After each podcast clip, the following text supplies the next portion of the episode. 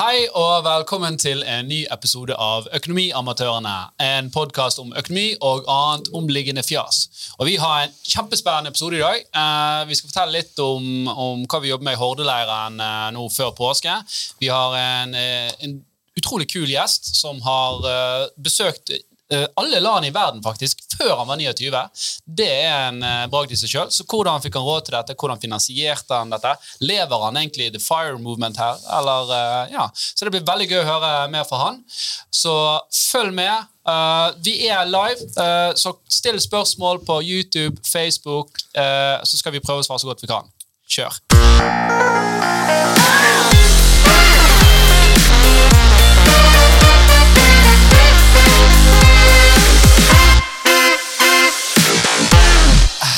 Da er vi i gang her. Um, og Jan Tore har allerede susa spørsmålstegn, så dette blir en kjempebra episode. Eh, vi, vi begynner litt med å oppsummere eh, uken eh, som, har, eh, som har gått. Um, jeg har hatt en uke hvor jeg faktisk har jobbet en del hjemme, for min, min, min samboer driver og kurser seg litt videre. Eh, Så det har jo vært eh, travelt med, med unger, men vi har fått gjort veldig mye. Vi får gjøre podkast likevel. Eh, Jeg fikk snakke for masse unge studenter i går, borte på Media City her i Bergen, om entreprenørskap. Så, og hvordan det var å være innenfor fintech. da. Så det synes jeg var, var, var kjempegøy å få lov å gi litt tilbake, da. Til Wow! Det er det verste jeg har hørt om Gunnar. Hvem er du? Sånn, Han henter jo energi av å stå på scenen. Han er så sikker på at han, er Steve Jobs. sant? Det er litt eh, ja. Gary V. Jeg er veldig ydmyk. ja. Ja. Nei, jeg er en veldig ydmyk person. Nei, det, men det, det er kjempegøy å bli invitert sånne ting, og jeg står egentlig bare og snakker om Horde i en halvtime. Så det er Ja, jo, jeg elsker det. Veldig bra jo for oss. gratis reklame. Ja. Og gratis pizza og øl for oss som var med. Så eh, kan ikke klage på det. Eh, Torstein, uh, du har jo hatt det travelt denne uken. Ja, faktisk uh, veldig eh, spennende sånn eh, for eh, medlemmene, eller, eh, eller brukerne våre, da. Eh, Vi har jo allerede veldig mange avtaler som er forhandlet fram til Horde-brukere, hvor du får ekstra gode dealer. Eh, Nå har vi fått til med fire av de. Ytterligere gode priser på allerede eh, rabatterte produkter. Da. Så det kommer et eh, nyhetsbrev ut i dag eller i morgen, eh, hvor man da får, får tilgang til disse avtalene. Nå ler han seg i hjel. Jeg lurer på hva det er. Hæ? Nei, det er ingenting med det Jeg bare tenkte på noe forrige uke. Og du vet at du får sånn moment. Du bare sånn, herregud, det er Men, men dette her er jo avtaler for, for Horde-communityen. da. Um, jeg, jeg, jeg kan si veldig grovt hva det er. Det er en veldig rimelig mobilavtale. Det er eh, veldig god eh, rabatt på forsikring. Eh, vi har en utrolig spennende strømavtale som, som eh, kommer i nyhetsbrevet. Og en sånn her streamingtjeneste som lodder ut noe snadder. Så ja. De som er HD-kunder, finner ut hva det er i morgen, da. Eller i kveld. Ja, og ikke bare det, for du, du kan jo også få disse i appen, så du må være Horde bruker eller medlem for å få tilgang til disse. Ja. Og bare for å være litt mer konkret, da, for jeg synes du underselger litt, det Torstein får til, er at eh, nå i en begrenset periode Vi vet at forsikringsselskapet de de som bytter til den samarbeidspartneren som vi har forhandlet fram med, de sparer i snitt 1600 kroner. Det tar ett minutt å sjekke. Og nå i påsken så får de òg ytterligere 20% rabatt på bilforsikring i ett år. Og bilforsikring er ofte den dyreste forsikringen du har, så her er det penger å ja det, det var veldig, veldig stilig av de å trappe opp med det. Yes. Så uh, inn i HD-appen og finn det. Eh, eh, Ingeborg, jeg fikk et uh, bilde av deg i går der du skulle bevise hvor gniten du var. Da hadde du, uh, du hadde klippet opp en, en, en sånn tann, tannbørstetube, holdt jeg på å si. Tannkremtube. Ja, altså, eh, når dere begynte å dra meg inn i dette her Hordeleiren-episodegreiene i podkasten, så, så har Alf Gunnar støtt og stadig køddet med at ja, jeg må jo være med og dele mine tips om hvordan man kan klippe opp gardiner for å lage vaskekluter, og Ja, skrelle appelsin og bruke det som hudkrem. Altså, akkurat som at jeg er liksom Er det- eh, er det et ekte tips? som eh, gjør altså, Jeg har aldri gjort de tingene der. Men er det vanlig å skrelle appelsiner eh, som hudkrem? Nei, det, hvem fant på det? Ah, ja, det var, blir men det, det er jo mange som kan faktisk lage hudpleieprodukter av forskjellige ting. Jeg har faktisk laget en kroppsskrubb av kokosolje og sånn der perlesukker. Og litt eh, eterisk olje. Oh, ganske digg, faktisk. Mange kalorier i den. hører jeg. Du spiser den jo ikke du skrubber Men du kan deg. gjøre det Men hvis du er sulten i etter skrubben. Men jo, det? eh, det som jeg faktisk gjør, eh, som også Alf Gunnar har mobbet meg mye for, er at eh, når jeg eh, når en tannkremtube eller en fuktighetskremtube eller noe sånt nærmer seg tom, så, eh, så klipper jeg den opp. Ja, varer jo seks uker til. Jeg. Klipper den opp, Mm. Hvis kameraet kan se det. Det kan du òg gjøre så, med majones. eh, så finner jeg da eh, finnes det mer tannkrem nedi der. Mm. Så dette sendte jeg til Alf Gunnar i går og sa se her, Bare bevis. Uh, det er bevis Men, men eh, det, det, det er jo ikke et kjempeoriginalt tips. Jeg tror jo folk flest har gjort det. Og jeg, jeg innrømmer, vi, vi har gjort det flere ganger men som regel med innrømmer motivasjon var jo mer at, at uh, faen, vi har ikke kjøpt ny. Vi har ikke kjøpt ny, så vi må yte litt mer ut av denne her uh, gamle. Det er triks. Du kan òg bare ikke puste hendene. Funker jo. Det kan man gjøre. Også. Men du sparer ikke på sikt, gjør du det? Du sparer tannkoster. Ja, men det er middel, er Tannlegeregning. Ja. Ja, det blir dyrt. Du, Tore, hva har du gjort denne uken? Jeg har kastet boss. det, og der har jeg faktisk et sparetips. Uh, triks. Ligg er det langs at, eh, veien? Ja, Eh, nei, for vi skillestyrer jo uh, ikke hjemme. Uh, da tar vi alle batteriene på et år og kaster de ut i sjøen. Nei, det gjør vi ikke. Men um, Nei, vi skulle, jeg skal kaste meg i bås og trengte en varebil. Og en varebil kan du leie med forskjellige steder. Det, Coop Ops kan du leie varebil for 299 kroner. Og Da får du leie den i to timer. Men det forutsetter at du handler på Coop Ops. Men de selger jo mye på Coop Ops, så du kan jo inn Tyggis. Nei, de selger en brus, for eksempel. Så du går inn og kjøper en cola, 29 kroner, for den er jo litt dyr, den, da, men da har du en leiebil i to timer for litt over 300 kroner for å kaste boss med den. Jeg tror det er lov. lånt min noen er ganger. Det er jo mye billigere. Ja, din er jo gratis. Ja. Ja. Ja, men jeg får jo ikke låne den igjen etter forrige gang. Det har ikke jeg fått med meg, men greit. ah, du fant ikke det ut? Nei, ikke ennå. Nei, ok. Det var faktisk et ganske godt tips. da. Ja, det er Um, ganske, ganske lurt. Hvis du skal flytte òg, så kan du eh, 300 kroner, så får du en Men du må kjøpe noe på Coop Obs. Jeg vet ikke hvor nøye de er på det. Kanskje dette er siste gang jeg får lov til dette. Men uh... Nei, men La oss si at du kjøper noe som er La oss si at du har kjøpt en, en grill. da. Sant? Altså Når du allerede har den bilen, da, ja, eller vanlig grill, når du har den bilen, så kan du ta muligheten. Og, eh, vi har jo masse sånn papp og sånt i garasjen som vi kaster hver eh, femte-sjette måned om å leie en bil, eller, eller styre noe jævlig med det og i en- få det inn i en personbil. da. Så det er faktisk et godt tips. Ja. Papp og sånn, så er det jo sankthans en gang i året. du kan brenne ting. Ja, Du kan ikke bare ha sånn pappbål. Så, Veldig gøy, veldig kort. da. ja. Eh, vi skal over til, til dagens uh, gjest, som er da Jørn Bjørn Augestad. 32 år. Eh, han har den bragden om å ha vært innom alle verdens land innen 29 år. Og så må jeg først begynne sånn, med det helt innlysende. Jørn Bjørn, Ja. er, er det ditt Var det dine foreldre som ga deg navnet? Nei, er mitt navn siden jeg var 18 år. Jeg ble kalt Jørn av mine foreldre. Ja. Så var jeg en gang som russ. Men hva heter du? Eh, Ja, du, okay, du ble, ditt, ditt fødselsnavn var Jørn. Jeg var Jørn. Ja. Så var jeg på en fest som 18-åring som russ i Stavanger. Og jeg kom fra et lite sted som heter Finnøy, hvor eh, første båt gikk klokka ni på morgenen inn til Finnøy. Så tenkte jeg at jeg tar en svipptur innom Skatt vest. Og det er da det kontoret der du òg kan endre navn. Og det tok meg fem minutter. Eh, Det var fire felt å fylle ut, husker jeg, på et skjema. Så tenkte jeg ikke noe mer på det. Men en måned senere så kommer mamma inn på soverommet mitt. Og da har jeg fått et brev i posten. Der står det Jørn Bjørn Haugstad. Og Hun flirer liksom sier noen har skrevet feil. Så jeg bare nei. Mamma, jeg, vet ikke, jeg heter Jørn Bjørn. Jeg bytta for en måned siden. Så Men, men, gang men da har jo du, du har jo gått inn på skattekontoret for å endre det. Eh, så du har jo hatt en tanke, eller har, har Ja, noen kalt deg det? Eller? Vi tuller veldig mye på nach da, Ja. uh, om det. Så Ja. jeg sjekket litt opp, Men i dag så er det enda lettere. Du kan sitte på nachspiel og faktisk gjøre det, for det skjer på nett. Ja. Du trenger bare bank i det. Ja, akkurat. Nice. Kanskje vi kan gjøre det etterpå. Ja. Kan vi, kan vi, Vi. Torstein, Skorstein. det, det er gøy. vet ikke hva Jan Tore blir, jeg. Men, eh, ok, så dette er egentlig en, en nachspielvits. dette her da. Det er i hvert fall en veldig god sånn icebreaker. da. Akkurat. Hei, Jørn Bjørn. Ja, det er jo de som lurer på om jeg kan si IT, liksom, at jeg tror ikke på det. Men det er faktisk to stykker som heter Jørn Bjørn. Det er en skuespiller som heter Jørn Bjørn Philology. Så dagen etterpå så sendte jeg en mail til han og sa at eh, jeg har bytta til Jan Bjørn, og det er ikke den eneste i Norge. Men jeg fikk ikke noe svar. Nei, dårlig jobb. Ja. Uh, men uh, du har jo en litt sånn uh, eh, du, du har jo Det høres ut som ok, 29 år, så vært i alle land. eh, hvilken bakgrunn har du, og, og hvordan, kan du ta oss litt med her? Hvordan startet denne reisen? Eh, altså, jeg, Det startet ganske tidlig. Uh, Finnøy er jo et av verdens mest kjedelige steder. Eh, vi har Offisielt, en, ja, liksom. vi har én butikk og to kirker, eller bedehus. Så når jeg var 16 år, så valgte jeg å flytte til Østerrike som utvekslingselev. Bodde hos en vertsfamilie. Og Da fikk jeg reist litt rundt der, til Slovenia, Slovakia, Øst, eh, Tyskland osv. Uh, jeg strøyk jo i mesteparten av fagene, eh, men det fikk jeg tatt opp igjen som privatist når jeg kom hjem. Men siden jeg kom hjem, da, så var jeg litt sånn rastløs og rotløs. At jeg følte at jeg ville ut igjen.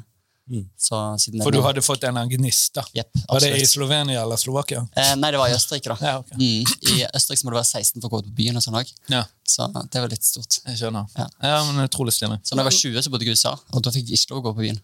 Ja. Ja, fire år senere. Så dette har egentlig vært en, uh, altså en sånn uh, motstand fra Du kommer fra et veldig lite sted, ser verden og tenker sånn Dette dette er det jeg har savnet. Ja, eh, men samtidig, altså jeg vokste opp en tid der det ikke var internett og sånt, eh, men vi hadde mye utvekslingselever, eh, og det var spesielt ei fra Japan som heter Makiri, som inspirerte meg. Så eh, hun var jo 16 selv og var på utveksling, bodde hos familien min, så bestemte jeg meg for at jeg ville gjøre det samme når jeg ble 16 da. Veldig fascinerende. Hvor mange land er det i verden? Ja, det spørs eh, hvem du spør. Eh, altså Fifa har 211 medlemsland, det vil si at det finnes 211 nasjonallag da. Eh, FN har 193 medlemmer. Så det er jo til og med altså, landslag da, som ikke har et land. Hvis du, Ja, jeg, Ja. ja, jeg prøvde å tygge på den selv. jeg skriver faktisk en bok om det nå, så jeg, siden, ah, ja, ja. siden jeg fullførte i San 2019. Marino, er det et land? Ja, det er en FN-medlem, så de er helt og fullt et land. Ja, hva- Ja, for der, Hvor mange som bor der? Er ikke det bare noen hundre tusen, eller? eh? Ja, det er jo verdens eldste land, faktisk. Eh, det er jo på, på et vis mesteparten er på toppen av et fjell. San Um, Marino ja. er verdens eldste land. Verdens land, det, det er som en naturlig borg, på en måte. da. Det så Du er er det å google. bedre enn er det Siden du reiser med, du må være god i geografi. Da. Så Ja. du lister Ja. det opp til Drillo, kanskje. Han er Ja, veldig god i jeg har ikke møtt han, men uh, ja. Jeg håper jeg får Han er jo utfordre han. Ok, ok. Uh, Men kan jeg bare spørre Ja, bare raskt uh, hvis eh, For jeg eh, sjekket litt på det i går kveld. Mm. Hvor mange land er det? Og det er veldig mange forskjellige meninger om hvor, hvor mange land det er. Ja. Men det er FN som på en måte har Ja. Det er de som bestemmer i gåseøynene. Du kan si at alle er enige om at det finnes 193 land som er medlemmer av FN. Ja, det, det er Eh, du kan si at Det er ett land som ikke anerkjenner Sør-Korea, og ett land som ikke anerkjenner Nord-Korea. De anerkjenner ikke hverandre. Nei. Men ellers er det liksom sånn FN de anerkjenner hverandre på, på et vis. da. Ja, okay. Så for eksempel Kosovo, Taiwan og sånt, de er ikke anerkjent av FN. De er ikke egne medlemmer. Skjønner. Dette, det helt, det, altså, vi kunne jo stått i flere timer Mm. eller dager eller år og snakket om det, men altså, altså, det er jo sykt mye. Jeg vet ikke hva jeg skal spørre om her. Men ok, du sa, har, du, har du vært i Nord-Korea? Ja. Du må jo ha vært der. Ja, jeg har det. For det er vel, det er det vel litt tricky. også. Nei, det er ikke tricky, okay. faktisk. nei. Eh, Jeg jobber som reiseagent, og da skreddersydde jeg to turer til Nord-Korea. Så hvis du vil hoppe Ah. fallskjerm, springe en maraton, gå ut og drikke blåbærvin, eller hva du vil, så kan jeg få til det. I Nord-Korea. Ja, Men du må ha et godkjent program eh, og ha din egen guide 24-7. Ja, for det, de er veldig Ja, for jeg bare så noen Vice-greier derfra. Ja. Jeg ser fra et, et selskap som heter Corio eller noe. Kyoro, De sender meg jevnlig sånn 'Vil du løpe maraton i, Ja. i Nord-Korea?' Da reiser du til Kina, og så tar du eh, toget over, tror jeg. Ja. Mm. Ja. Eller så kan du fly inn til Pyongyang som hovedstaden. Ja, så jeg tror det. Ja, sant? Vi snakket litt om det tidligere. Det, det er ikke vanskelig å komme seg der, men det er litt Nei. restriksjoner. også. Men det, det er helt utrolig hvor fascinert eller opptatt folk er av Nord-Korea. Og det finnes jo egentlig galnere stater enn Nord-Korea, mener jeg. da. Men det, liksom, det har vært mye i media, og alle kjenner til det. og sånt. Så. Før jeg går over på det, Når du er i sånn land som Nord-Korea Det var jo en, en eh, Jeg husker en historie om en, om en eh, amerikansk student Mm. som hadde vært og bare tatt med seg en sånn propagandaplakat og ble fengslet. Altså, Så det er jo sånn ting som man tar som en litt sånn uskyldig spøk her, er jo ikke nødvendigvis en, en uskyldig spøk i disse landene. Ja. Og han satt vel i fengsel i om det var et år eller sånn, så der, og døde faktisk når han kom hjem fordi han ble så sjuk. Ja. Mm. Det, det er jo litt sånn Ja, for et par, par-tre år siden. Ja. stemmer det. Samtidig vil jeg påstå at Nord-Korea er verdens tryggeste land. Strengeste. tryggeste. Mm. Tryggeste. Ja. Det er nesten Ingenting skal skje som turist når du reiser der. Staten passer på at, eh, at ingen stjeler for deg. og sånt. Um, det som er at Når du reiser et sted, så må du følge lovene til landet. Og det er det samme, for eksempel Reiser du til Pakistan eller mange muslimske land, da. hvis du sier noe dumt om profeten, så, så kan du bli lynsja. Det, er- Ja, det er sånn det. er. ja. Så du må liksom sette deg inn i hva er lov og sånt. Og eh, når du kommer inn i Nord-Korea, så blir du på en måte kursa i det. Så du får instruksjon om at du skal ikke ta bilde av lederen unnenfra. Du skal ikke altså, Unnenfra? Ja, altså, nei, motsatt da. Så du skal ikke se ned på eh, Ja, Kim sånn, Jong-un ja. og Kim Jong-il. Okay. og sånt. Alle som kommer inn, de må legge en blomst på statuen av han. Så det er liksom veldig sånn Du må komme og respektere han, da. Får du liksom ha med deg en smarttelefon inn der? Nei, eh, det, altså når jeg var der, det er ganske lenge siden, da var det ikke lov å ha eh, devices med geo, altså en GPS. Da. Så jeg fikk lov å ta kameraet mitt og hadde, tok bilder der. Uh, det ble jo, noen ble sletta når jeg um, skulle ut. Det er en egen Ok, så de det ser gjennom faktisk, du må levere kameraet, så går de gjennom, og så sletter de det de Ja, eh, jeg vet ikke hvordan det er nå, men dette er jo sånn 10-11 år siden. Og da Det har sånn, utrolig store hull i det systemet. da. Må bytte film. Bytte film, da? Ja, så er alt greit. ja. Altså, eller, eller tenker jeg feil nå? Hvis de går og sjekker bildene, bytt film, da. Ja, du reiser rundt med film og engangskamera og Nei, du var der for tolv år siden. Da var det sikkert noen som gjorde det. eh, Ja, det kan Jeg tror de, altså, er, La oss si at du prøver å gjemme en sånn film. da. Altså, Risikoen der eh, er jo sikkert eh, jeg, jeg tror det får konsekvenser. da. Så jeg vet liksom ikke om vi tar risikoen bare for å ha med noen bilder som var kanskje litt i gråsonen. Nei da, det, ja, nei, det, det er sikkert riktig. Men det er jo mange som har tatt den risikoen. da, For det, det fosser ut med videoer og det ene og det andre derfra. Ja. Men, men hvordan var det da? Så var det sånn, for, for Her i Vesten så får vi jo et rimelig eh, et sånt inntrykk av at i Nord-Korea der må alle bare se opp til lederen, selvfølgelig, og så, og så sulter folk, liksom. At de, de har dårlig teknologi, de har dårlig mat, det er Ja. dårlig råd. Det er jo et fattig land, det er sant. Em, altså, jeg har vært i mange fattige land. Der er det mange som sulter. Eh, I Nord-Korea så ble jeg fortalt av guiden min at de som går uten jobb, de får 200 gram ris om dagen. Om det stemmer litt? Er det rå eller ferdig? Eh, Jeg tror det er rå ris, så det er, Ja, ja. det er jo mat nok. Det er jo ikke galt. Nei, så sagt, jeg vet ikke om det stemmer. Om det Ja. sier Men det er, det er jo mye greier med leirer og alt det der greiene. og- Ja, ja, ja. Så man vet jo ikke, Men det er vel det at du får vel, når du kommer der, så får du bare presentert en slags fasade. Og ikke det? ja. Eh, hun guiden var veldig ung, hun var i samme alder som meg. Mm. Jeg følte hun flørte litt med meg. Hun, eh, liksom, Vi drakk øl sammen. og... Hun bare Take me away from here! Ja, jeg kunne jo spørre om det jeg ville, og jeg spurte veldig mye. Ja, ok. Um, og det jeg at av og til så var det sånn at hun flirte liksom mens hun sa noe. Da, da tok hun på en måte i den løgnen at det var obvious. Hun Ja. visste det obvious, og jeg visste det obvious. Ok, Okay. ok, Så de har, eller de guidene hadde en idé om at dette er propaganda vi skyver på deg? Ja. Som var For på et Man tror jo av og til at, uh, Ja. at de tror det selv, da. men Ja. det er ikke riktig. altså. Eh, noen ting gjør de det. Okay. det gjør de. Eh, men det er liksom å se liksom et bilde av lederen som har gått opp på et altså, Nordkoreas største fjell i dressko og dressjakke og sånt. liksom. Mm. Eller historien om at flydd til månen osv. Ja, og, um, hole in one, mye golf, Ja. best i golf og, og alt det der. Men når du Så- ser på størrelsen på dem, så er jo det vel så stor achievement å gå opp et fjell. Så når jeg spurte de spørsmålene, så var det sånn ja, ja, det- selvfølgelig kan det, liksom. Det, og da, da tok jeg på en måte i det at eh, Mm. Hun har det rette, men hun sa jo altså 60-70% gjerne kroppsspråk og sånt. Ja. Mens resten er liksom ordene du sier. ja, det var kult. Du, du sa nå at Nord-Korea var ikke liksom det verste landet. Um, kan du utdype litt hva land er gale? Eh, ja, det finnes flere. Et av de kanskje mest crazy er Turkmenistan. Der har du en gal galen leder som egentlig har sittet i mange år. Det høres ut som Borat-land. Ja, et av de stanlandene. Det er det. Det. Eh, han er fra Kasakhstan. Men eh, i alle fall Turkmenistan, der har de hatt en leder som har styrt i mange år. For en måned siden så ga han fra seg den, altså frivillig, da. Så heter det, da ga han til sønnen sin. Men i alle fall, han var sånn at han gjorde om språket, for eksempel. Alle skulle pugge en bok med en ordbok med nye ord. Mandag var navnet hans, tirsdag var navnet til mor hans, osv. Um, han har liksom den, en sånn bok da, som er liksom like viktig som Koranen, for det er muslimsk land. Um, Med et nytt Har ikke, vi, språk. hadde ikke vi sett at før Gaddafi hadde vel òg en liten sånn bok som, uh, som var liksom pensum for, Ja, så for eksempel for å ta billappen nå, så må du kunne pugge den boka. Og kunne sitere ok, sjekk eh, side det og vers det, liksom. Skal du kunne se utenat. For assosiasjoner til nynorsk. av en. Ja. Men altså, dette er et rikt land. De har eh, den på nivå med Norge nesten i forhold til gass. Så du kan se for deg at en mann da har brukt alle pengene på hovedstaden og har bygd opp gullstatuer og fontener, og det er den byen i verden som har mest italiensk marmor i verden. det er jo veldig fornuftig pengebruk. Ja. Det, det er midt i ørkenen. Men når Så du sier at det var farlig, var ikke det du Om han er farlig? Nei, var det det du Nei, hva var det? Var, det var, Verste landet, hvor- hvor- altså- verste. verste. Er det Sånn- pga. at uh, folk måtte bygge boken, eller er det, er det liksom frykt for livet ditt, eller er det Nei, Hvis du snakker om versteland, så er det, en, det finnes helt andre klasser enn Nord-Korea og Turkmenistan. Da er det mer sånn eh, Altså rock bottom, da. Det har kanskje vært i Syria. Somalia. og- Syria, er det bad? Somalia går økonomien bedre. Jeg var der i januar. Jeg skulle vært der nå. I Somalia? Jeg arrangerer turer i Syria. Ah, ok. I Ja, jeg skal Ja. arrangere en tur i august, så de kjører på. Skal vi reise på strand, strandsteder og feste og kose oss. Mm. For det er mulig i Syria, faktisk. Ja. Mm. Okay, men Somalia, da? Det, det er Ja. Det er Somalia, Afghanistan uh, det er, altså Afghanistan har jeg hørt folk begynne å spise plater, liksom, for at det, det er begynner, tøft. begynner å spise. Altså, det, det er litt mangel på mat i enkelte land, da.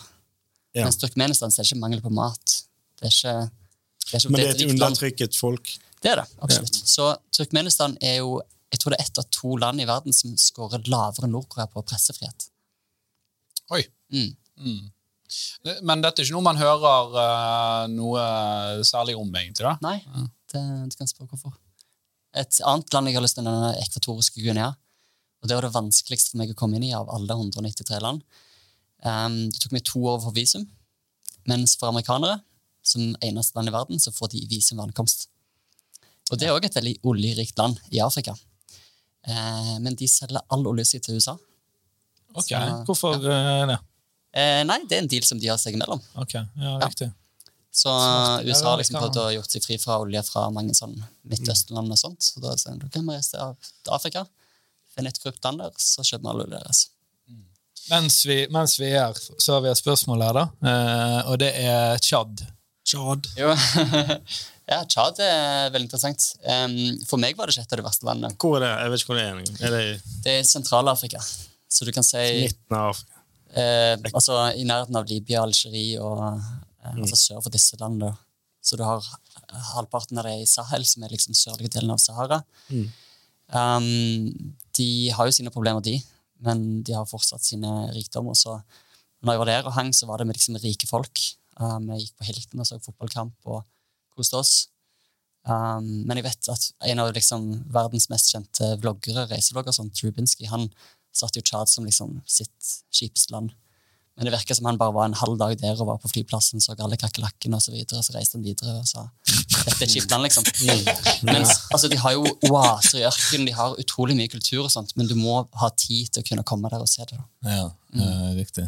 Ok, så, Men når du sier du har vært i alle land, da er det FNs liste du, du går ut ifra? da? Ja. Og Eh, da, da har du vært i de, eller teller du at nei, mellomlandet der og var Nei. i en time? nei, det teller jeg ikke. Da er det ikke Hva poeng. i å reise der. er premissene, da? Nei, du må ha opplevelser, du må ha sove der, du må, altså, du må ha liksom noe lokale opplevelser. Ok. Så for meg er reise og Jeg bor jo nesten bare hos lokale folk. Um, og prøver liksom å bli kjent med kultur og sånt. Er det mye sånn sofasurfing? Yes, det er mye av det. Ja. Ja, det er det. Der Og, kommer eh, vi inn på noe som jeg vet jeg, mange syns er litt spennende. da. Hvordan finansieres dette? Du var jo Ja. litt inne på i sted at eh, du arrangerte turer. Er det noe du har gjort fra start, eller er det kommet som en konsekvens? Nei, det var fra 2019, så jeg har egentlig litt sånn mitt budsjett og sånt før 2019, og så har jeg det etter 2019. Så det var liksom et tidspunkt der det klaffa litt mer for meg, og siden den gangen har jeg kunnet leve litt, reise litt mer mindre sparsommelig og sånt. da.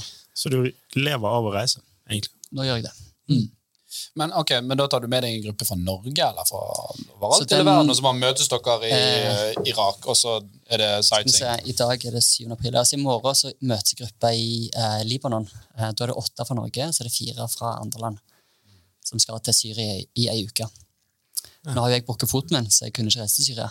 Ja, fortell litt om, Du kom jo inn her på, på, krukka, nei, på krykka, og det var jo en, eh, en eh, litt sånn skummel historie, sånn som jeg forstod det. Ja, det var jo for reise, det òg. Jeg var i Iran, hadde vært der i to og en halv måned. Uh, altså Dette er for nøyaktig en måned siden. Og da kjørte bil sammen med tre venner fra Iran. Eh, vi var på en liten vei, hadde god fart og sånt. Så kom det en lastebil imot på den lille landeveien. da. Så da la hun sjåføren seg godt ut på høyre side i grøftekanten. Hun ga seg litt for langt, altså havna med to hjul utenfor i grøfta. Og kompenserte med å dra bilen Over til motsatt kjørefelt akkurat. Så i motsatt kjørefelt så var det en trailer som traff oss front til front. Så den bilen der så, What? så ut til trekkspill etterpå. Men du er jo relativt Ja. i fin form. Jeg brakk én fot. Resten er eh. Jesus, det kunne gått eh, Resten av ganske følget ditt, da. Eh, nei, jeg hadde- sjåføren brakk jo to føtter, en albue og en skulder og fikk hjernerystel og sånt. Eh, han som satt bak meg, han hadde ikke setebelte, så han stupte jo over meg og inn i frontruta. Ligger fortsatt på sykehus med hjerneblødning og litt sånn diverse. Så jeg var den heldige. Airbagen løste seg ut på min side, mens den gjorde ikke det på sjåførens side. Det er jo litt sånn Jeg vet ikke, jeg føler at Iran er et farlig land, men det er det jo gjerne ikke. Nei, det er ikke det. Nei, vet du, Teheran er jo så veldig sivilisert vestlig, nesten. ikke det? Altså, eh, ja, altså i, I min livstid så har det ikke vært noen krig i Iran. Den siste krigen var med Irak og slutta i 88. og Jeg er født i 89. Ja. Eh, Har ikke er Teheran blitt fryktelig mye mer eh, stramt nå de siste fire-fem årene? motsatt.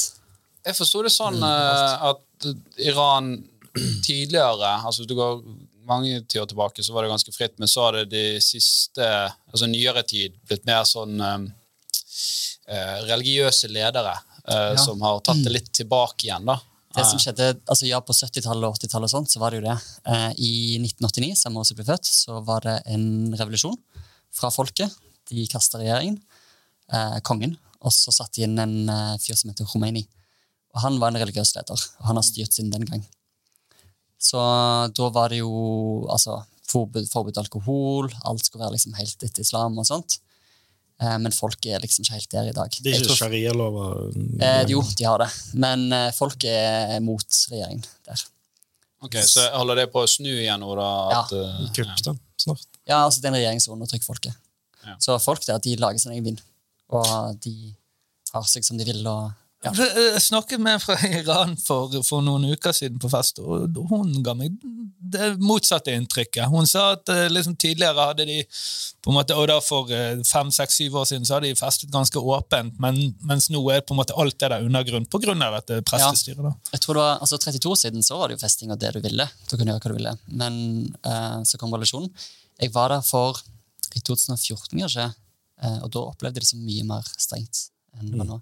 Men det har kanskje med at jeg hadde mer tid nå.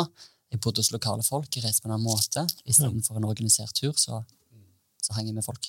For det er folk der har et liv under bakken, så er det et liv over bakken på, en, måte. på et vis. Mm. Og Iran er jo fortsatt, og vi, Horde er jo et finansforetak, eh, så vi Iran er jo et av landene på sanksjonslister. Ja. Sånn, så får vi kunder, altså brukere fra Iran, eh, Mm. som bruker betalingstjenester, så er de underlagt det som kalles Ja. Um, og det gjelder jo flere land uh, der i, i Midtøsten.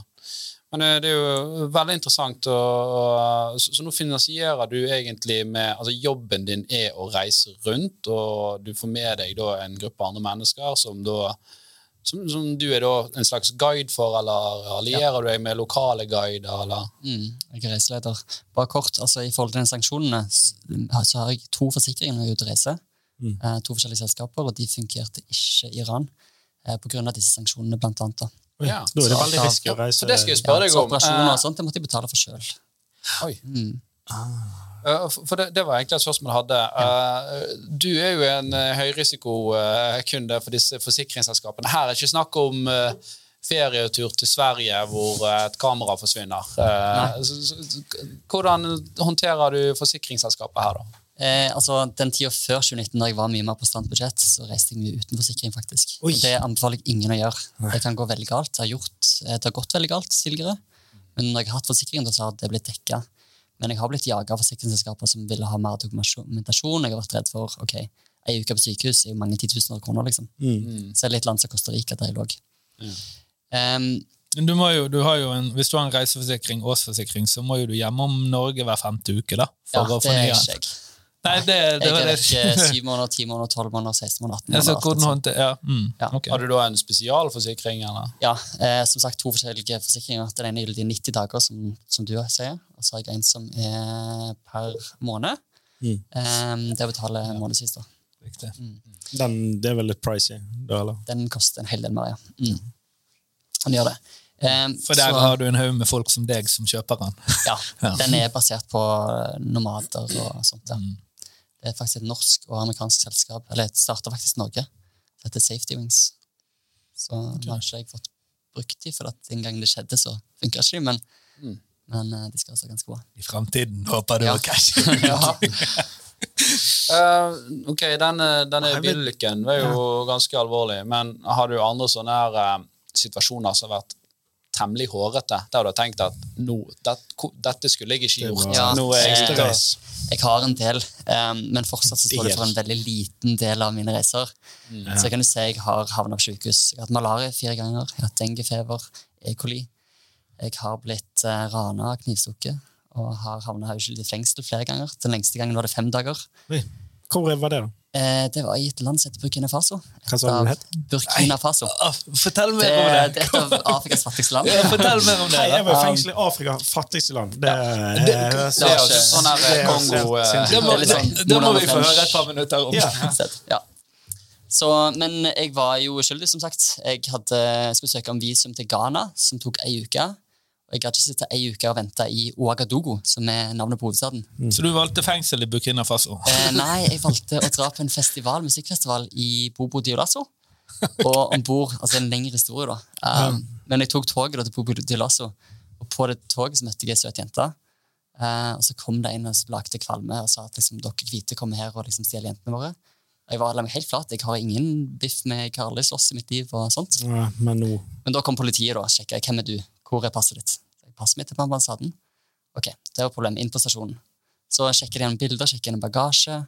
Um, og tenkte at det var litt suspekt at jeg var der uten papirer. Jeg hadde bilder med gevær i Sahara-ørkenen og turban og alt mulig sånt.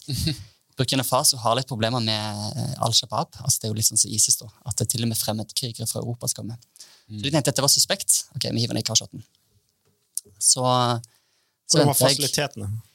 Eh, jeg delte først ei celle med ei dame fra Elfenbenskysten som også var der uten, uten Ja. papirer. papirer. Eh, vi måtte spørre om å gå på do. Så vi fikk vann inn, vi fikk mat inn. Hvis jeg sto for mye og krevde mine rettigheter, at jeg kan ringe ambassaden, og, og sånt, så sa det bare 'sit down', sit down. Fikk jeg ikke mat en natt, og jeg fikk ikke vann en natt. For eksempel, da. Verste det var, det var doen. Der var det liksom Ja. sånn, Du går inn på et rom der det faktisk var sånn, de hadde tegnet opp sånn streker sånn i fengsel. vet du. Ja, ja. Så, hvor mange dager det, Og så var det et hull. Og, men istedenfor å bæsje i det hullet, så bæsjer jeg liksom overalt på gulvet. da. Så jeg liksom trippa overalt altså, til hullet, men ja, folk eh, gjorde ikke det. da.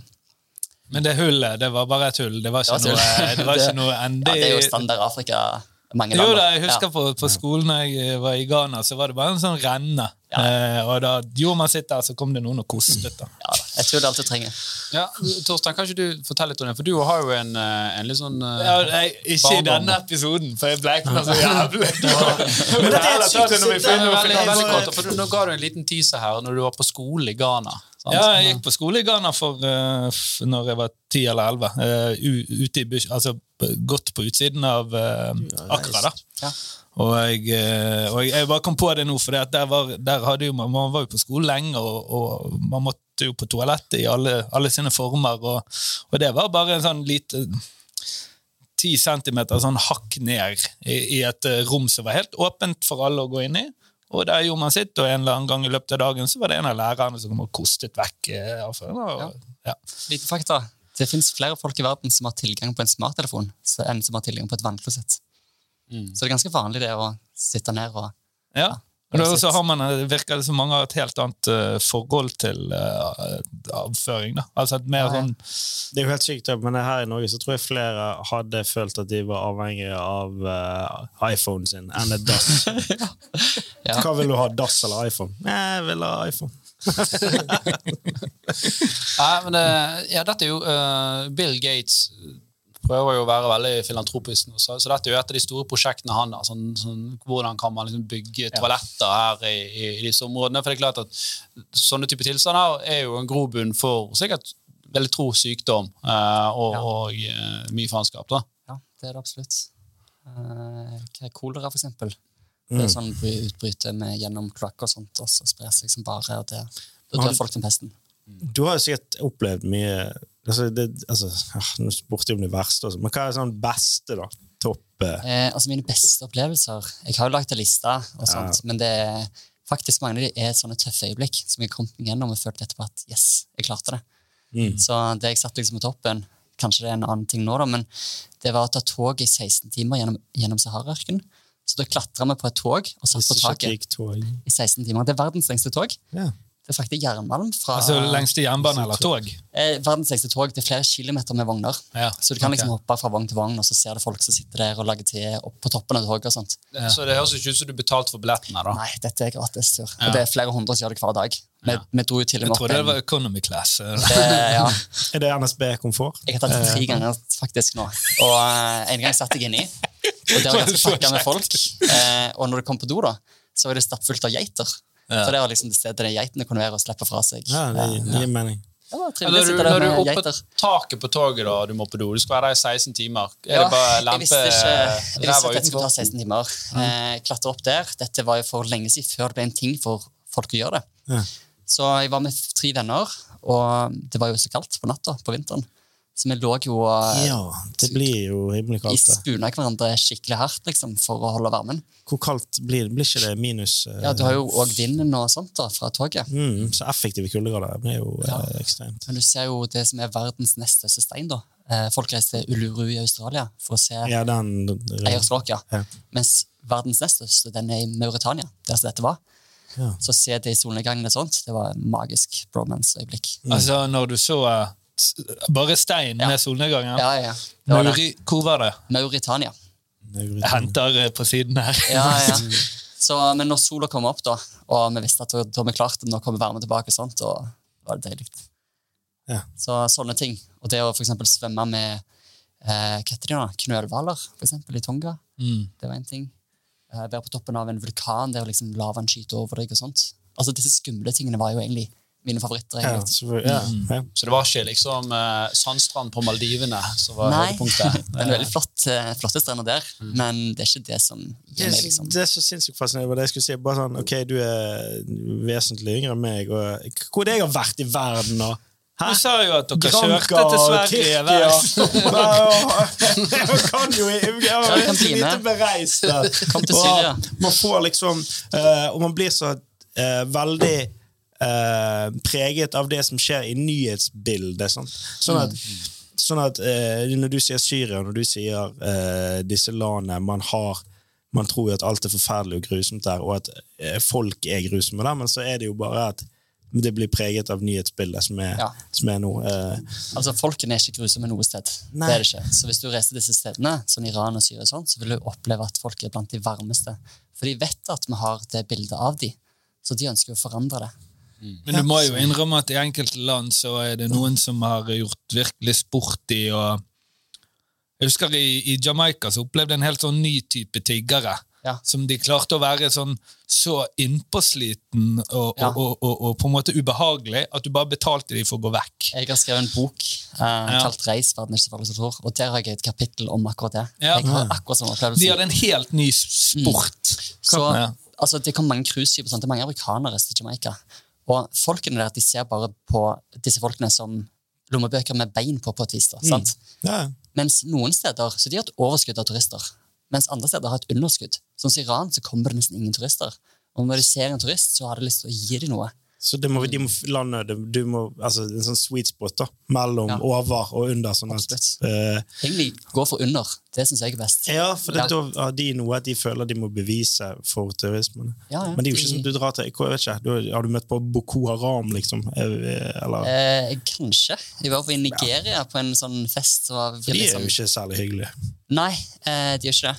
Eh, det kan du si. Ikke hvorfor jeg ikke sa det, men uh, bare sånn Hvorfor dro jeg inn de? Uh, Men akkurat de, de der uh, eh, mer sånn innpåslitne altså, de, de finner jo du over, altså, til på Gran Canaria, så kommer de bort, og så, så har de knøttet en sånn bånd på deg. sant? Nei, nei, det er ikke det det er ikke det jeg mener. Det, de har en helt annen måte å tilnærme det. De er vant til fra jeg var eh, eliten, og de vet man hvordan man skal slippe unna. Ja. Men når jeg kom til Jamaica og et par av de der øyene nedi der, så merket du at de hadde, de hadde utviklet en, en, en, en helt annen type kunst for eh, for tigging, da, på en måte. Og du ble ikke kvitt dem, og de hang, meg og min far satt og drakk en øl i solnedgangen, og han der fyren satt på siden og snakket om eh, hvor vi kunne liksom få kjøpt eh, sex med barn. Og, altså, og jeg, jeg tror han var veldig Han visste hva han drev med. Han visste Ja. at nå skaper jeg så mye ubehagelighet for dem at de betaler meg for å gå vekk. Ja. Og det, du vet hva jeg mener, sant? Jeg vet akkurat hva jeg Ja, mener. ja. Og jeg har opplevd det mange steder òg. Altså Folk kommer bort til deg og sånn 'Kjøp en kylling, kjøp en cola', eller hva som helst. Og det er Sånn, ikke de med båndene. Nei, det er ikke det. Nei, Um, men uh, ja. uh, Jamaica er det klassiske. Altså, jeg synes at Det finnes også maskuline kulturer og feminine kulturer. Mm. Det er ikke sånn jente-gutte-greier, men Jamaica er et veldig maskulint land. på et vis da. Fordeler og ulemper med alt, men jeg, jeg føler meg mer velkommen i et sted der liksom, de er ikke er så på, på en måte, at de er mer forsiktige osv. Så, videre. så Iran for eksempel, er faktisk et veldig mykt land. Eh, feminint, da, kan du si. Ok, ja, spennende. Så Karibien har mange sånne type steder, faktisk. Du, du, du nevnte nå at nå skulle du ha en tur til Syria. Ja, i august. Og, og, og, og hva, hva koster det liksom å være med Um, akkurat den koster 1200 dollar. Eh, men da har du luksushotell og det meste inkludert, så du bruker mindre enn 1000 kroner i løpet av den uka. da. Så vi sender Jan Tore med deg på sånn Send meg! Send meg! Eh, jeg har allerede en NRK-reporter faktisk påmeldt på den turen i august, så det blir nok en reportasje derfra. Ja. Men Vi betaler kun hvis du utsetter ham litt for litt fare. han, må, han må lage litt god underholdning. Ja, Hvor lang tur er det? ei uke. Til, ja, ok. Jeg vurderer det. det Så Latakia og Tartus og sånn, altså Latakia det er jo et sted som ikke har vært pårørt av Hva krigen sa du, La-. La- Latakia. I Syria. Ja, Du kan søke BBC og Latakia Party og sånt. Ja, jeg er solgt allerede. det, så er det festing mye- sånn- Han skal drite hull i bakken og Det føler jeg, ja, men det er mye gå gjennom jungel i Du dag. ser ut Sitte som på en et fyr som Det kan du si det. Du ser ut som en fyr som, som Burning Man. Der trives du. Ja. Kan det stemme? Jeg har ikke vært der. Du har ikke vært på Burning Man? Nei, jeg tror det er litt sånn hipster-sted. Ja, er det tar det? det liksom 50 kroner billett. Og, Ja, ok, det er kanskje litt for, eh, litt for mainstream for deg. ja, Ja, vært mye spiser steder. Og Ja, du har jo selvfølgelig opplevd mye mer enn Burning Man. Det, det er litt, kanskje litt mars, da. Ja, det er kanskje ja, det, er, det, er sell-out å dra da. på en måte. Ja. Men det er kult at du kan bare føle Hvis du tar en, en Globus, så kan du bare sånn og så bare der, så hva kan du si ja, der har jeg vært i 2012. Bla, bla, bla. Ja, absolutt. Så det finnes en YouTube-video der jeg har et minne minne fra hvert sted. For eksempel, da. Det er helt sykt. Ti minutter, bare en setning fra hvert sted. For eksempel. Ah, det er helt sykt. Vi har fått noen spørsmål er her. sykt. Eh, eh, måtte du gjøre lignende som Drew Binsky for å komme inn i Libya? Jeg Ja, jeg måtte det. Jeg måtte ha et businessvisum for det siden 2011. Siden Norge var bomba Gaddafi-regimet. Yeah. Så har de ikke sluppet inn en eneste turist. Så dermed må du få deg businessvisum for å komme inn. Okay. Drew Binsky er for øvrig en, en YouTuber. Ja. Ja. aldri Og så har vi et annet spørsmål. Har du reist med Benjamin Rich, Bold and Bankrupt? Eh, nei, jeg hørte først om han for et år siden. Eh, veldig interessant eh, britisk fyr som kan snakke russisk og sånt. da. Mm. Så han får liksom helt annen kontakt med folk, spesielt i russisktalende land, som er, det finnes mange av. da. Har du noen språkkunnskaper som er norsk? Jeg snakker norsk? fem språk. Eh, I går så begynte jeg å lære ukrainsk, faktisk. Er Norsk, svensk, dansk Ja. ja. Snakker du Nynorsk? Er det Hvilke Jeg, språk? jeg snakker norsk, det gjør jeg. Ja. Ja, hva- Hvilke tre andre? Eh, fire. Engelsk. Ja, det, Tysk. Jeg har bodd i Østerrike og studert tysk. Ja, Um, spansk og fransk. Ja. Ja. Du kommer jo langt med det. Ja, fransk faktisk er veldig veldig utbredt språk, spesielt i Afrika. Afrika. Mm. Mm. Ja. Nesten halvparten av de 54 landene i Afrika snakker fransk. I Afrika mange steder så har jo de også en sånn veldig streng politikk for hvilke språk folk skal få lov å snakke. har ikke det? Eh, jo, eller de har jo sånne der, gjerne disse språkene som er på et vis møtespråk. Så istedenfor å lære engelsk på skolen, så lærer de fransk. da. Så hvis de møter en stamme som snakker et helt annet språk, så snakker de på fransk sammen. Ja. Er Akkurat som i India, så er det jo Hindi er jo et møtespråk, men der er jo engelsk et møtespråk. på en måte. Mens det er ikke morsmålet til folk i India å snakke engelsk. liksom. For jeg husker på den, eh, den skolen jeg gikk på, hvis, de, hvis elever ble tatt i å snakke disse stammespråkene, så ble det, var det. Ja. Ghana er jo, det er jo litt sånn oase da, i Vest-Afrika. Altså, du har jo resten av Vest-Afrika som er mye mye røffere. på et vis da. Eh, Ghana er jo veldig flott. Eh, jeg kjørte også en bil, da hadde jeg to biler fra Norge og ned til Ghana. Så hadde jeg to Toyota Heiser med sju seter i hver. Fra Norge til Ja. Ghana. Heiv As campingstingene på taket og hadde gassgrill og sånt. Så campa vi 90 av tida på veien ned til Afrika. Gjennom Sahara-ørkenen, gjennom jungel i Guinea, satt fast med bilene. Um, ja. Så For sånn det type- jo, høres ut som et fantastisk eventyr, da. Ja. Men jeg vet at når jeg hadde sittet i denne jungelen, og du Ja. er sliten, og det er masse lyder, og det er fuktig. Så tenker du, hvor er, hvor er Disse- nærmeste hotell? ubehagelige, nærmest jævlige situasjonene, de ser du tilbake på at yes, jeg klarte det. Jeg kom oss gjennom ja. den myra med liksom, Så er det jo det skupa bilen sjøl, liksom. Når du er i jævlige situasjoner, så setter du umåtelig pris på det hvis du drar inn på et hotell en senere anledning. Akkurat. Men, Du må jo eh, fragi deg så mye luksus som du liksom har tilgjengelig. Da. Jeg husker liksom I, i jungel i Peru der, Ja. så har du gått en hel dag, så får du servert poteter med ris. Det er så jævla skuffet.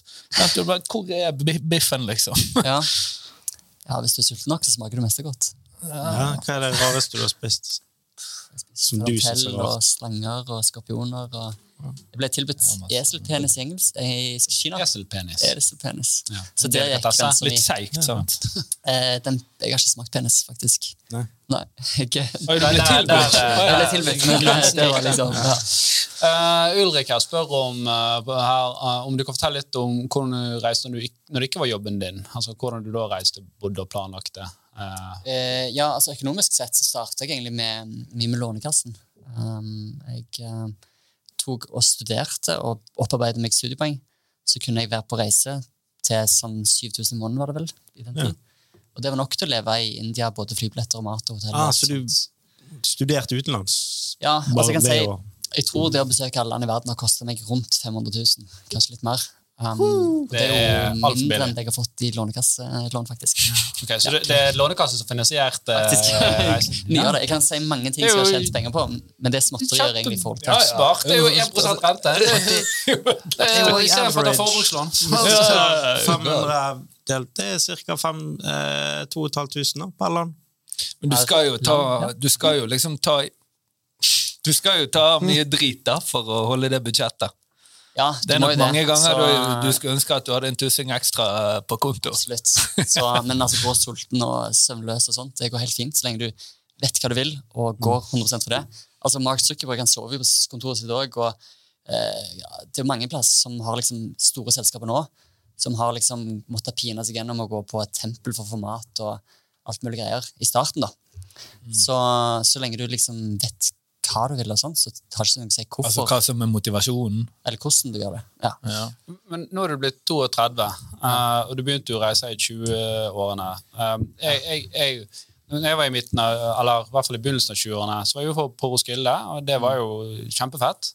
Og siste gang vi var der, jeg vet ikke hvor gammel da var jeg, kanskje var jeg 5-26, da begynte det å bli litt slitsomt å bo i telt en hel uke. Sånn, så du må, Kjenner du liksom på kroppen òg at 32 og 22, det er litt sånn forskjell på Det er eh, Så heldigvis er jeg litt, litt annen økonomisk situasjon nå. Jeg har jo skrevet bok som solgte veldig bra. Mm. Um, jeg har solgt to, 2000 kopier av den.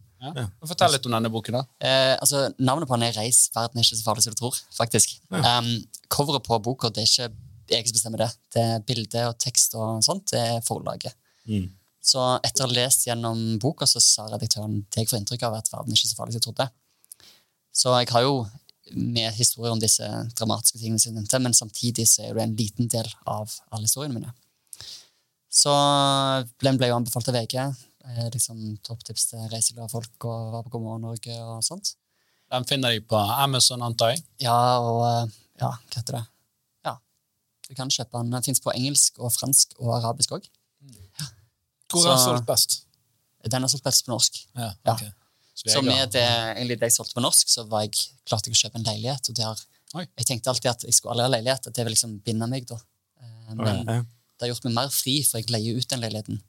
Ja. Og den har et sånn loft som var lagring, egentlig, og der har jeg gjort om med lagt inn et bad og sånt. Så da har jeg et loft som jeg kan bo på gratis. ja. den, Så du har en base, da, på en måte? I, er et lite krypinn. ja, hvor er det, da? Er det Midt i Stavanger. Altså tre minutter fra sentralstasjonen i Stavanger. Ja, nice. Um, den, den livsstilen du har nå, er jo ikke superforenlig gjerne med familieliv. da. Uh, altså, hva Framover de neste ti årene, er det samme kjøret, eller Jeg tror det.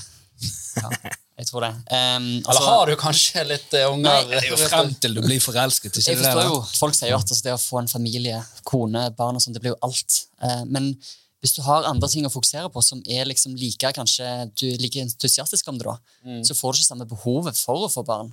Eller samme kjæledyr, for den saks skyld. Men er det like hot å reise rundt 55 år gammel uh, og crowdsurf, holdt jeg på å si, eller møte jo, flotte Nei. kvinner på et tog, altså, kontra å være 27 og være eh, kjekkas. Jeg tror ikke jeg trenger crowdsurfer når jeg er 55. Jeg tror jeg kan bo fint, spise godt. Ja, ja. Så jeg er ikke bekymra for det, egentlig. Det, Nei, det, Men har du aldri en sånn følelse av ok, been there, done that? Eh, jo, jeg har hatt det fire ganger i livet mitt. Hadde jeg tenkt sånn, er, du, er du lei verden? Har du Ja. rundet verden? Nei, jeg ville tilbake til sånn, kjæresten min og jeg ville liksom få et vanlig liv. liksom, en A4-jobb Ja, og sånn. Men når jeg kommer tilbake, så tenker jeg liksom alltid at det, det er ikke meg. Da, Du er til- rastløs. Du klarer er til ikke en gammel sjømann. Ja. ja. Hjem til kone og familie, så går det, det fire dager, dager, står du og skraper mot havet. Seaman Love òg, da. At du har liksom kjæreste i, i hver havn. Ja. Så, Er det litt Seaman Lowe inne i bildet? Det er en, eh, det er en eh, komiker som heter Andreas Bach. Som er, han er, sier han er sjømann. Altså han har en kjæreste i, i hver havn. Eller men han jobber på ferge, da. han så det er Han er eh, eh, Veldig god vits. Men, men kunne du tenkt deg, eh, nå skal jo uh, Elon skal jo kolonisere Mars. Er det, havner det på bucketlisten? da? Nei, jeg har ingen interesse av det. Egentlig er det litt det samme med Antarktis. Jeg må jo reise der, føler jeg nå, for at så mange spør meg om jeg har vært på Sørpolen. Eh, men jeg har ikke noe altså for meg så er det å reise nå så handler det om å liksom møte mennesker og få en liksom forståelse av hvordan det er å leve der. Jeg kan ikke spørre pingviner og kommunisere på samme måte med de. og sånt. Så Mars òg, det Med mindre det fins folk som bor der, det vet ikke jeg. Nei, ikke så mye nå, tror jeg. Ikke ennå. Men uh, ok, men det virker litt sånn Kanskje du foretrekker litt varmere land òg? altså, du tilbringer mer tid der det er varmere enn Ja, eh, men ikke Alaska, liksom. Eh, Sør- og. Nordpolen, da, er det, er det land? Nei. Nei, så du har ikke Hvem har du vært? På Nordpolen? Ja, så, så Nei, jeg er ikke Nansen og Amundsen. Nei, Nei, det, er jo, det er jo helt åpenbart at du driver med mye eh, utforsking, da. Ja. Eller, eh, Men akkurat nå så jobber jeg med å besøke 1281 regioner av verden som står på Nomad Manias liste. som står på Nomad Mania. Det er også en eh, organisasjon som verifiserer de som har vært i alle land. Så jeg sender inn stemplene mine for alle land i verden, sånn at de kan se eh, for eksempel, og Hvis du er bare en, en dag for eksempel, i stedet sånn også, så telles ikke, ikke det fra Nomad Mania. Ja. Men de har delt opp verden i 1281 regioner, og da er det syv regioner på Antarktis. Er de Ja, ok, der svarte du på det. Da må De er du ikke stå delt opp en fyr etter og demografi. der oppe. Nei, på Antarktis er ikke det. Du har jo koordinater og alt mulig til å bevise det. hvis du... Ja, så du ja. Men, uh, ok, men er dette en konkurranse, da, eller er det bare sånn hedersmerke å få uh... Noen har jo det som konkurranse, men grunnen til at de deler det opp, er at eh, de regionene er alle forskjellige. på en måte. Mm. Så det jeg har opplevd, er at inni land så finnes det andre land. på en måte. De har andre språk, Men de har eh, andre kulturer. babusjka-dukke. Ja, det er på en måte. De, altså, de har kanskje vært historisk land før. Og selv om grensene viskes ut, så er det fortsatt sånn ok, Ukraina, Det var Ukraina for en måned siden, nå er det Russland. sant? Kurdistan. Men fortsatt er det Ukraina for folk. Nei, det er ja, du, Kurdistan. du, ja, Ja. det, er veldig spennende, veldig Det er sånn tidsrelevant. Og du har jo vært i Ukraina, antar jeg, sikkert flere ganger. Og, og, eh, og det er en sånn uh, diskusjon der sant, at eh, Putin han, han mener jo at nei, her er det masse russere som ønsker å bli befridd, eh, mens Vesten sier nei, det ønsker jeg ikke, det er bare tull og fjas. Uh, du som har vært på bakken der, Ja. hvordan opplevde du det? Jeg tror det er mest tull og fjas. Men uh, det finnes òg de som faktisk mener det, og som har kanskje flykta til Russland for kanskje åtte år siden, når krigen faktisk starta. Så Så Kanskje de bare flytter Russland da, hvis de ville det? Hvis de ville, ville bli russiske? Jo, de kunne det. Det så hadde du sluppet krigen. Helt enig. Um, for Det er vel folk ikke det flest som er hovedmotivasjonen bak den krigen der, da. Å Nei, befri det- russere i Ukraina. Det er jo ikke det. Nei, selvfølgelig ikke. Men det, det er jo godt å få det bekreftet fra noen som er på bakken her, da, så Ja, for da. bare slå i hjel den eh, propagandaen. Ja, jeg bare Eh, sier siden altså, så hadde man sluppet krigen. sant? Men, Jeg vet ikke hvor mye tid vi har men jeg var i, hvert fall i Ukraina en gang på nyttår, og da var jeg inne i en bar, og så sto noen jenter ut forbi og spurte om de kunne bli med meg inn. da. Så sa jeg ja, klart det. Eh, spurte hvor de var fra. De var fra Russland, sa de. Så spurte jeg hvor de var fra. I Russland, sa de Donetsk. ja, se der, ja. Kult. Så de, Det de det, det. så seg selv som russere. Eh, historien går lenger. Jeg hjalp dem inn, og det var når jeg skulle spandere øl og sånt på de jentene, så jeg stakk med en gang. For det ligger liksom ikke det å bli spandert øl på. Eh, fortsatt hele studio, takk for øl. Men eh, da fulgte de folkene meg i, ut av baren og ville ha penger av meg. Jeg ga dem penger til slutt, fordi de insisterte. Og så slo de meg ned. Og begynte det? å sparke meg mens jeg lå på bakken i Ja, snøen. hvorfor det? Hva var, mot, hva var det så Når jeg kom tilbake på stedet, så bodde jeg med en familie der.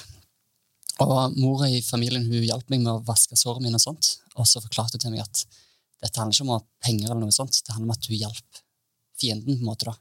Så det er jo et sted som er veldig polarisert. På samme måte som Armenia, Aserbajdsjan, Israel, Palestina og sånt, så er det hat imellom de. Og innad, på en måte.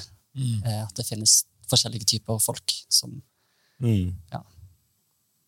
Så noen Jesus. ukrainere ønsker gjerne å ha ett land som er ett språk og ukrainsk og sånt.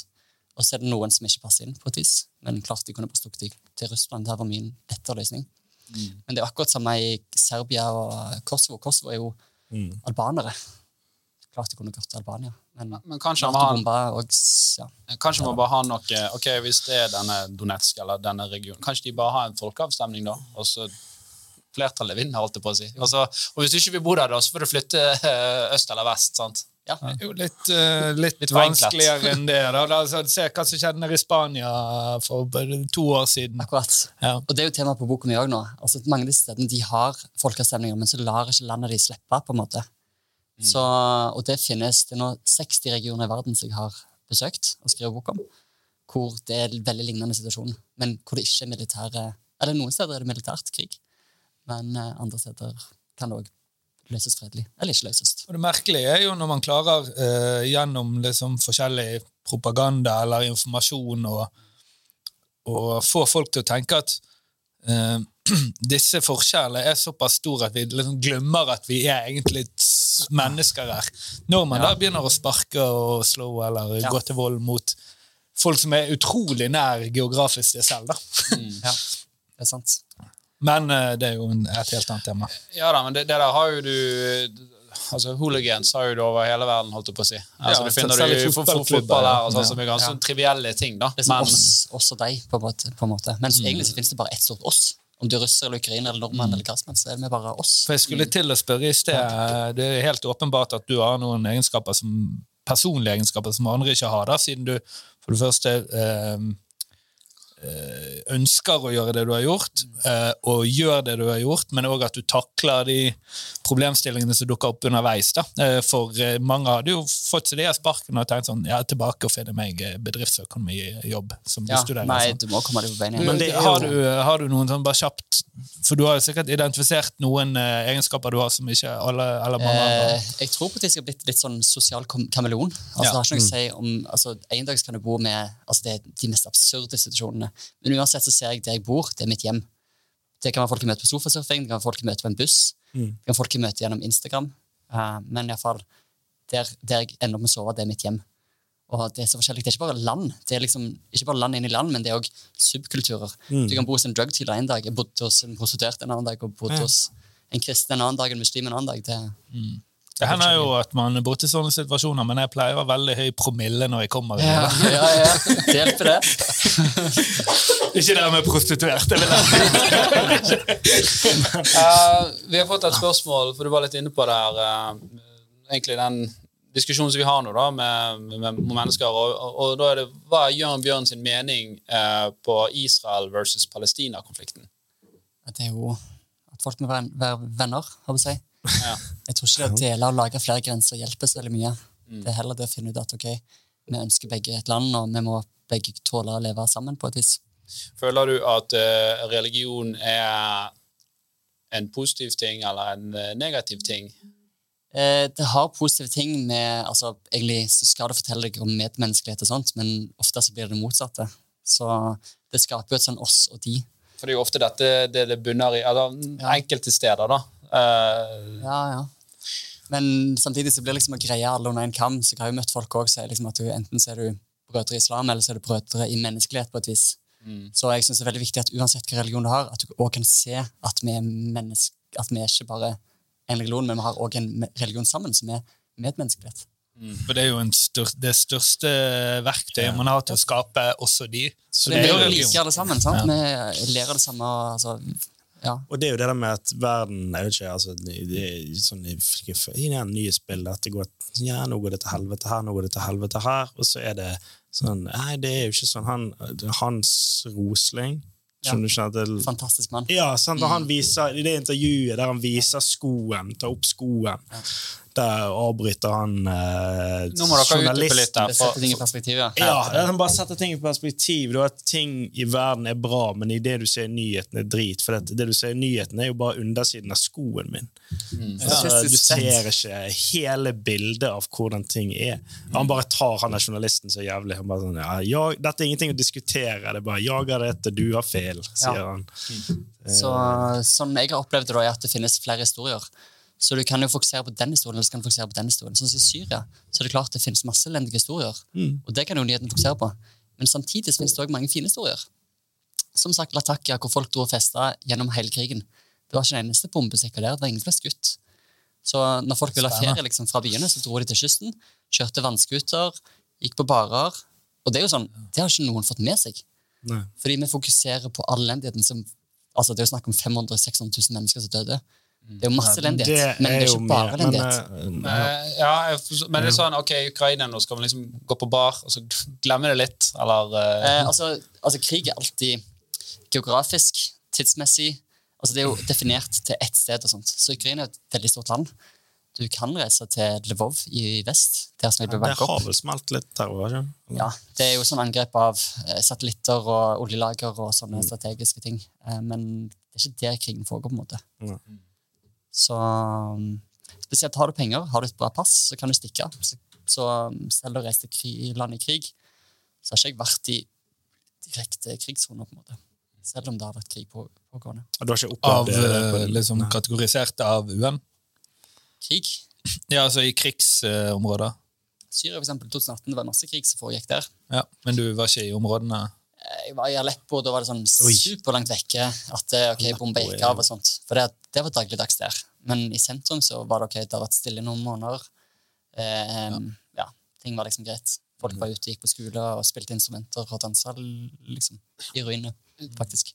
Det virker jo liksom sånn um, Hva som definerer et, et, et bra land og et dårlig land, så er jo det klart at tilgang på ressurser har noe, og så er det liksom hvem som kontrollerer disse ressursene. da. Um, og nå har vi det veldig godt i Norge, fordi vi har veldig mye ressurser. og det er liksom veldig sånn ilandsproblem vi, vi driver og diskuterer. Um, men så er det jo veldig interessant at du tar fram det, denne staden du hadde i begynnelsen. Ja. Eh, Turkmenistan. Turkmenistan, sånn, som har mye ressurser tydeligvis, eh, men hvor det da er kontrollert av, eh, av, eh, av tilsynelatende én person. Da. Ja. Og sikkert mye det samme i, i, i, i, i Saudi-Arabia. Eh, er det liksom det som du Hvem som kontrollerer ressursene, og hvor mye ressurser landet har, kan du liksom det virker som jo, jo trangere det er et sted, jo større sannsynlighet er det for den type konflikter. da. Mm. Um, har du noe liksom, kan du gi noe lys for det i, i dine erfaringer? Ja, altså De landene som har olje, i Afrika, Midtøsten og sånt, det er jo de som er problemer. Eh, Det skaper korrupsjon, det skaper kriger, det skaper interesser. Det som jeg tror gjør at noen land feiler, noen land ikke, er nok heller den tilliten du har til organisasjoner, altså til en bedrift. Om du jobber her, så driter du i bedriften, så sitter du og loker, og da går du dritt med driften. Og hvis du, det samme med Norge, da, så har vi tillit til, til politiske lederne. Eh, og, og det hjelper på. Hvis du mangler den tilliten, så skjer det slakk. Det er ganske rart at Norge skårer vi, vi, er, vi er vel på verdenstoppen når det gjelder tillit. Eh, Det vil jeg tro. Hvorfor er det rart? Altså, Nei, for, nei, for bildet du får, da, så er det ingen stoler på politikere. Sant? da, kan du tenke deg da kan du tenke deg hvor, ok, nei, Vedum sa han skulle gjøre det, så gjorde han ikke det. sant? Men da kan du tenke deg hvordan det er i andre land, når, når de virkelig samme mangler sjef i en bedrift. Hvis du sier ok, han er en drittsekk, eh, så liksom, jeg gidder ikke jobbe for han, på en måte. Så, eh, så går det ikke bra med bedriften. Mens i Norge, den bedriften Norge, den går det veldig bra med. Jo, men det er litt sånn, ok, Hvis du har en eh, drittsjef i Norge, så er jo det lav terskel, da, stort sett, og, og, og si at vet du hva, du er en drittsekk, jeg vil ikke jobbe for deg, jeg, finner, jeg jobber et annet sted. Men det er jo ikke alle som har den, eh, de nødvendigvis de mulighetene, da, at de kan bare finne seg en annen jobb. Og da er det kanskje tilbake til tilliten. på en måte. At vi kan være åpne, og, og sånt, at vi har et samfunn med tillit. Så For man har, eh, man har eh, ikke økonomisk råd til det, men man har spillerom til å gjøre det, ja. Sosialt spillerom til å gjøre det. Ja. For at i disse landene, altså Jeg har lest en bok som heter The Black Curse. altså Det handler om The Scramble of Oil for Africa. Og det er det sånn at Land som får olje, de misbruker det, pengene. Det liksom skaper at okay, lederne får mye penger, og eh, altså, det skaper masse korrupsjon. Og i Afrika så er det sånn at du kan ikke stille spørsmål med autoritet. Mens i Norge så er det det motsatte. Du kan sitte på samme pult som sjefen din og liksom føle at alle liker og sånt, mens der er det sånn, der sitter han på kongens stol, og så er du der nede må liksom tigge please, kan du gjøre det, og sånt. Ja, og dette er jo ganske sykt, for Det var jo snakk eh, om å selge, selge oljefeltene vi har i Norge, til amerikanerne for, for 1 milliard. eller sånt, back in the days. Okay. Uh, og det er jo Som en noen klinkekuler med liksom Alaska og sånt til indianerne. Ja, Du tenker på eh, Lange? Altså Anders Lange som foreslo det. Nei, Anders, hva heter han? Han, altså, han Frp, eh, han som Ja, står til ja, venstre. ja, var ikke det Nei, men det var i hvert fall altså, Amerikanerne ønsket jo liksom, litt sånn som de har gjort i andre steder, å ha, ha rettighetene her. Og sånn. Philips Petroleum foreslo 50-50-avtale. Okay, ja. Ja. Men ja. Men, men poenget mitt er at vi kunne jo fort havnet i et sånt sted, vi òg, hvor vi sa at eh, ja, vi har jo ikke peiling, så greit, politikerne kunne sagt milliard nå på 70- eller 80- eller 60-tallet, det er jo kjempemasse penger. Få få det, så vi kan gjøre mye bra. Men der hadde du politikere som sa nei, vi skal faktisk utvikle dette sjøl, og vi skal bygge kompetanse eh, innenfor for feltet. Så, så det, du skal liksom, politikere har gjort gode ting òg. Ja, ja, det er ingen som er uenig i det, tror jeg.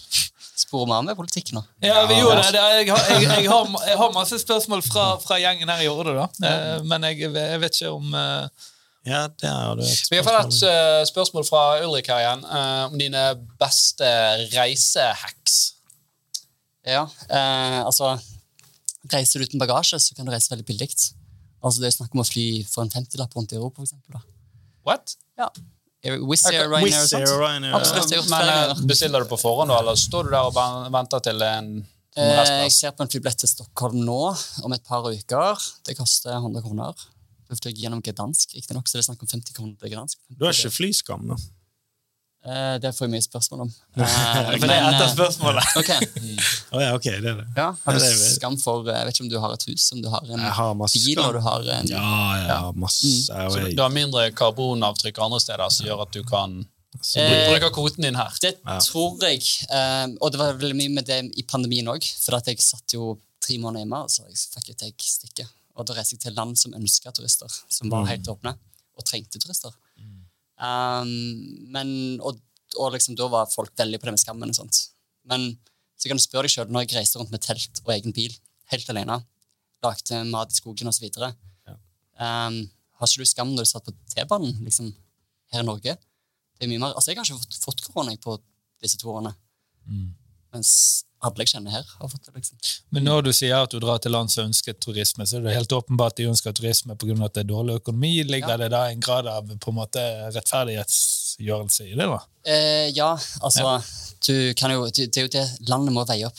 Når vi skal slutte med turisme, så er det nesten sånn at folk sulter. Altså, de, folk trenger jobber. Det er mange byer der det Men er du en typisk turist? Nei. Nei. Så du legger jo ikke igjen så mye penger i disse Ja. lånene. Når du Ja, skal poeng. Altså, du, Men er, fortsatt så kommer folk til nesten klemme meg og sier ja, 'velkommen. Endelig så kommer Ja, det er ikke vet hvor kjip du er.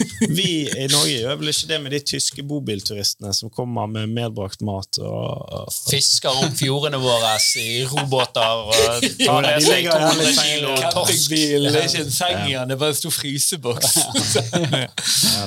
Ja, det er et godt poeng. Nei, men, uh, veldig bra. Vi, vet du hva, vi, vi pleier å ha et uh, fast segment her også, som heter eh, Siste utvei med, med Jan Tore. Jeg har fortsatt noen Ja, som Ja, folk vi, vi kan gå litt tilbake til det Ja, det- okay, Bare for. Eh, Helt å få- unnagjort det. Jan Tore sitter og tripper her. Ja, Så, liksom. så da starter vi over til eh, Du har ikke fått noen reisespørsmål? det, da? Om, jeg har, om jeg har fått noen reisespørsmål? Ja. Siste Nei. utvei hvis du skal reise med Jan Tore. Nei da, men uh, få høre Siste utvei er å reise med Tore. Skulle til å si det. Ja, hva er ukens spørsmål? Ukespørsmålet eh, var uh, Bør jeg binde studielånrenten min? Eh, det, jeg kan jo si litt om mitt studielån uh, først. Jeg har et uh, voldsomt studielån. Uh, jeg tror jeg har 600 000 i studielån. Eh, og det Du har har, reist hele verden, du òg?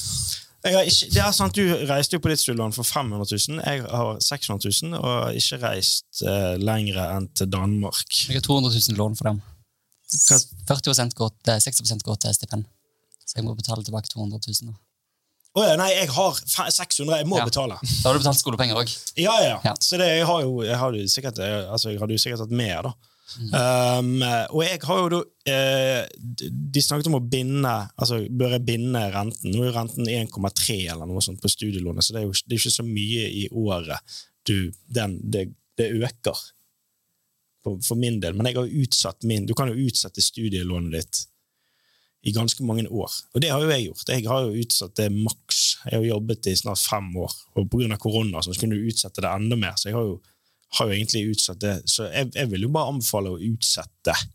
Ikke, be, ikke binde det, men utsette lånet ditt så lenge som mulig. da. Og bruke, istedenfor å betale inn 3500 i måneden, eller hvor mye du må betale, så bare, så bare, bare ta de pengene så, eh, som du skulle betalt inn, men så sett de et sted. da. Jeg gjorde ikke det. Jeg satt jo ikke de et sted, selvfølgelig. Jeg brukte jo de pengene. Men å binde Jeg vet ikke hva du, hva du eh, Er det 1,9 man kan komme opp i hvis man binder det i tre år? Jeg, jeg synes ikke det var en så god deal. Så eh, mitt, mitt tips er i hvert fall å bare utsette, utsette eh, lånet ditt så, så mye som mulig. Eh, Hvis du, hvis du jobber, da, selvfølgelig. Det er jo egentlig da du ikke skal gjøre det. Jeg, jeg vil egentlig anbefale å gjøre det motsatte. Hvis du ikke har jobb, så bør du utsette det. Ikke hvis du har jobb. Gjør det motsatte av det, jo, egentlig. Uh, Ja, det var var ikke så lett å skjønne konklusjonen her, uh, men uh, det virker hva, som at hva mener du? Jeg har ikke på det. uh, jeg uh, Nei, jeg hvis, Igjen, så hvis, hvis du er sånn at nå går det rundt, uh, og du har en veldig sensitiv økonomi, så kan det være greit å binde renten. Det er jo sånn det generelle rådet. Nå er jo studielånsrenten veldig lav òg, og inflasjonen mye høyere, så jeg er helt enig i hvert fall med å utsette det så langt du kan. Det tror jeg er et godt tips. Eh, men du bør jo òg, hvis du utsetter det bare for å ha litt mer penger å feste for, så er ikke det Det det, ja, det var- det verste. Men eh, jeg ville heller betalt med mer ned på billånet mitt, eksempel, som er dyrere. Eh, Eller for eksempel utsatt utsatte for å putte ting inn i fond. for eksempel. Ja, eh, hvorfor ler man det? Altså, det, er jo, det er jo et veldig spennende alternativ, det. Men Å, ja. eh, det er jo på en måte Min onkel hadde jo eh, studielån på Livets harde skole. Spille igjen. Ja. Inkasso. Ja, og de måtte, der måtte den, den kunne han ikke utsette. Da, da røk det noe i kneskåla der. Ja, riktig, ja. Ok, eh, vi, vi går tilbake til, til, til gjesten vår. Vi må snart begynne å runde av, for du skal av gårde på en eh, buss og ut i den store verden Ja, igjen. med et kvarter. Ja. Stolen skal tilbake til Stavanger. Ja, ja, men så skal han videre igjen, da. Vi skal kunne late som du skal ha rett. eh, Hvor går ferden videre? Eh, nei, jeg har noen turer planlagt. Jeg. jeg kan jo reise selv om jeg har krykker. Ja. Det er jo sånn, altså folk, som, folk reiser i rullestol. Jeg kjenner en som reiser når han er blind, til og med. Ja. Um, Så har så- har du sett, har du sett den sketsjen fra Bård Tufte? Og, Nei. har du sett den sketsjen? Ridderreiser. Det er et reisebyrå der de, eh, for, de kun blinde folk, og de måtte være 100% blind.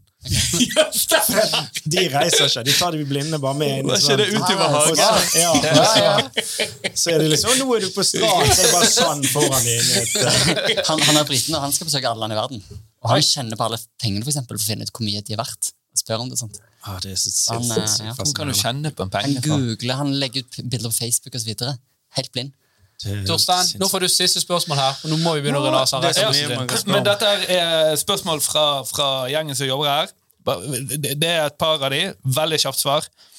Eh, hvilke land var det fysisk vanskeligst å komme seg til? Jeg tror du sa det. to år for å få visum.